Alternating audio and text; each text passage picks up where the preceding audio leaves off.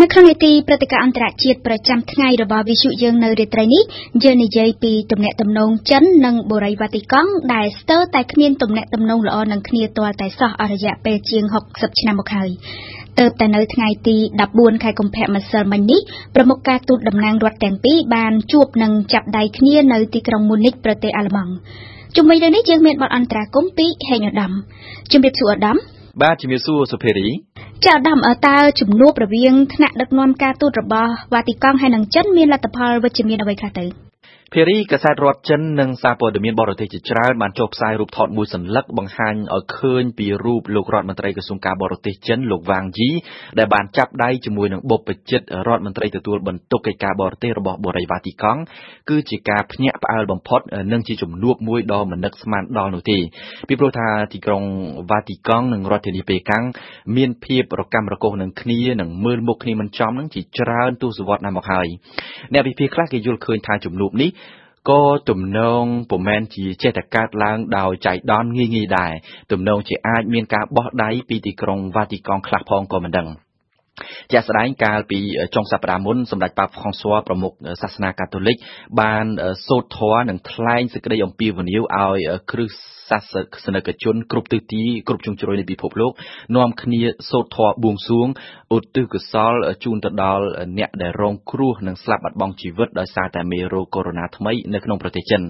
ការថ្លែងដូចនេះគឺចាត់ទុកដូចជាការបោះដៃអញ្ចឹងដែរហើយការបង្ហាញជំហរគិតគូរទៅដល់សុខទុក្ខរបស់ប្រជាពលរដ្ឋចិនពីសំណាក់ប្រមុខដឹកនាំវ៉ាទីកង់នៅពេលនេះ ទើបជាផ្នែកមួយដែលជំរុញឲ្យមានជំនួបរវាងថ្នាក់ដឹកនាំទូតចិននិងវ៉ាទីកង់នៅប្រទេសនៅប្រទេសអាល្លឺម៉ង់កាលពីថ្ងៃម្សិលមិញនេះគឺនៅក្នុងឱកាសដែលថ្នាក់ដឹកនាំចិនមកចូលរួមកិច្ចប្រជុំសន្និសីទកំពូលស្ដីពីសំណុំរឿងធម្មពលនិងអាវុធនុយក្លេអ៊ែរជំនួបដ៏កម្រនិងជាប្រវត្តិសាស្ត្រនេះគឺជំរុញលទ្ធផលវិជ្ជមាននៃកិច្ចព្រមព្រៀងទ្វេភាគីទៅលើច្រើនផ្នែកតែផ្នែកដែលសំខាន់ជាងគេភារីគឺការរកច្រកផ្លូវអត់ឱនឲ្យគ្នាឲ្យមានការអនុវត្តជំនឿសាសនាគ្រឹះនៅក្នុងទឹកដីចិនហើយក៏ជាការឈានទៅដល់ការអនុវត្តកិច្ចព្រមព្រៀងតែងតាំងបុព្វជិតតំណាងសាសនាគ្រឹះនៅប្រទេសចិនទៀតផងកិច្ចព្រមព្រៀងនេះបានរៀបចំឡើងតាំងពីឆ្នាំ2018មកម្លេះណាភេរីឧត្តមដូចយើងបានជូនដំណឹងខ្លះខ្លះថាវ៉ាទីកង់ហើយនិងចិនមើលមុខគ្នាមិនចំជាច្រើនទសវត្សរ៍មកហើយខ្ញុំចង់ឲ្យឧត្តមលំអិតបន្តិចថាតើមកពីមូលហេតុអ្វីខ្លះទៅ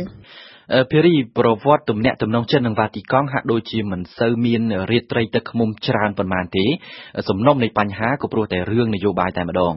តាំងតែពីដើមទសវត្សរ៍ឆ្នាំ1950មក ចិនពង្រឹងនយោបាយបង្រួបបង្រួមទឹកដី និងបន្តពង្រីកលទ្ធិ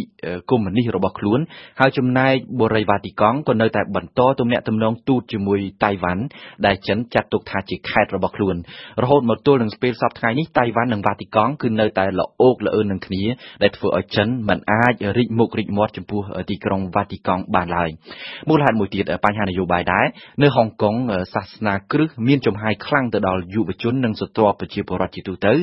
ហើយអ្នកសាសនាគ្រឹះនៅហុងកុងនេះតែម្ដង ដែលបានចូលរួមធ្វើបាតកម្ម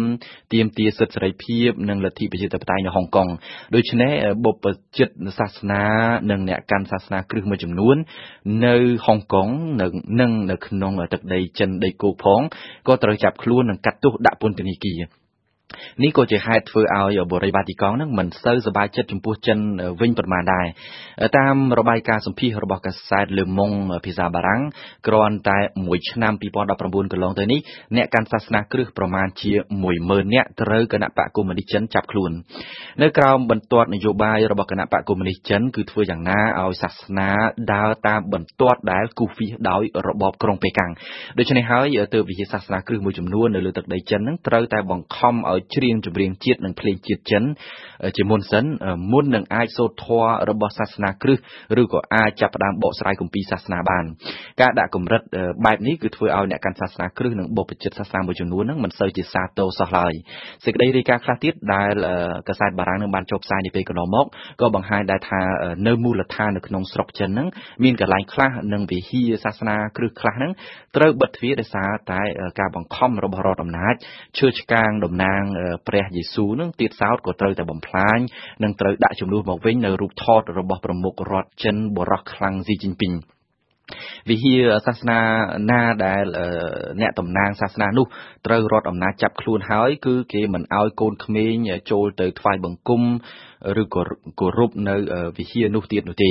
ថែមពីនេះអាចារ្យសាសនានិងបុព្វជិតសាសនាគ្រឹះខ្លះហ្នឹងត្រូវទៅបង្ហាញខ្លួននៅប៉ុស្តិ៍ប៉ូលីសនិងត្រូវនគរបាលសួរនាំ4 5ដងឯណោះក្នុងមួយថ្ងៃក៏មានដែរបញ្ហាទាំងអស់នេះគឺធ្វើឲ្យអ្នកខ្លះហាក់ដូចជាមានការអន់ចិត្តខ្លះដែរចំពោះទីក្រុងវ៉ាទីកង់ដែលពួកគេយល់ថាវ៉ាទីកង់ហាក់ដូចជាមិនសូវបានយកចិត្តទុកដាក់ឬក៏អាចនិយាយម្យ៉ាងទៀតថាបោះបង់ពួកពួកគេអ្នកដែលគ្រប់គ្រងសាសនាគ្រឹះនៅស្រុកចិនចោលតែម្ដង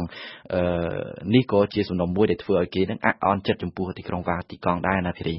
ទោះជាណាក៏ដោយឧត្តមការជួបគ្នាចាប់ដៃគ្នាជាប្រវត្តិសាស្ត្ររបស់ថ្នាក់ដឹកនាំការទូតនៃរដ្ឋទាំងពីរគឺទំនងជាអាចនឹងជួយបន្ធូរបន្ថយភាពតានតឹងខ្លះជាមិនខានមិនថាអញ្ចឹងឯឧត្តម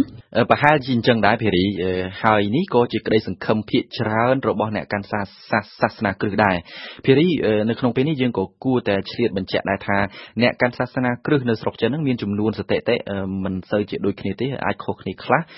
តាមរបាយការណ៍របស់រដ្ឋអំណាចចិនប្រហែលជាមានអ្នកកាន់សាសនាគ្រឹះនៅស្រុកចិននឹងដល់ទៅ90លាននាក់ក៏ប៉ុន្តែតាមការសិក្សាបែបសង្គមវិទ្យារបស់សាកលវិទ្យាល័យមួយបង្ហាញថានៅស្រុកចិនអាចមានអ្នកកាន់សាសនាគ្រឹះសរុបទាំងកាតូលិកទាំងប្រូតេស្តង់ក្តីគឺអាចមានចំនួនរហូតទៅដល់160លាននាក់ឯណោះចំពោះបរិយវ៉ាទីកង់ចំនួនគ្រឹះបរិស័ទរាប់លាននាក់នៅស្រុកចិននេះគឺជាចំនួនមួយដែលសម្ដេចប៉ាបហ្វ្រង់ស៊ួធ្លាប់បានចាត់ទុកថាជាទឹកដីមួយធំនិងដ៏កំពុងតែលូតលាស់នៅមនោគមវិជ្ជាសាសនាគ្រឹះខ្លាំងក៏ប៉ុន្តែថ្នាក់ដឹកនាំទីក្រុងវ៉ាទីកង់នឹងក៏បានយល់ច្បាស់ដែរពីបញ្ហាដ៏ចាក់ស្រេះជុំវិញបន្ទាត់នយោបាយចិន ដែលលំបាកឲ្យសាសនាគ្រឹះលូតលាស់កាន់តែលឿននិងកាន់តែខ្លាំងជាងនេះទៅទៀតទោះបីយ៉ាងណាក៏ដោយការខិតទៅរោគចិត្តគ្នាផ្នែកផ្លូវការទូតរវាងប៉េកាំងនិងវ៉ាទីកង់នៃគ្រានេះគឺនាំឲ្យគេសង្ឃឹមថាអាចនឹងមានសញ្ញាណថ្មីកើតឡើងតែចំពោះប៉េកាំងនៅក្នុងកលៈទេសៈបែបសពថ្ងៃនេះ គឺប្រកាន់ខ្ជាប់បន្ទាត់នយោបាយកុម្មុយនីសហើយតែងតែមានក្តីបារម្ភនិងប្រុងប្រយ័ត្នខ្លាំងមែនទែនជានិច្ចចំពោះសាសនាណាដែលគណៈបកកុម្មុយនីសយល់ថាអាចបង្កការគំរាមកំហែងទៅដល់នយោបាយជាតិរបស់ខ្លួនណាទេសូមអរគុណហេញឧត្តមសម្រាប់បទអន្តរាគមន៍ក្នុងនីតិព្រឹត្តិការណ៍អន្តរជាតិប្រចាំថ្ងៃនៅរាត្រីនេះ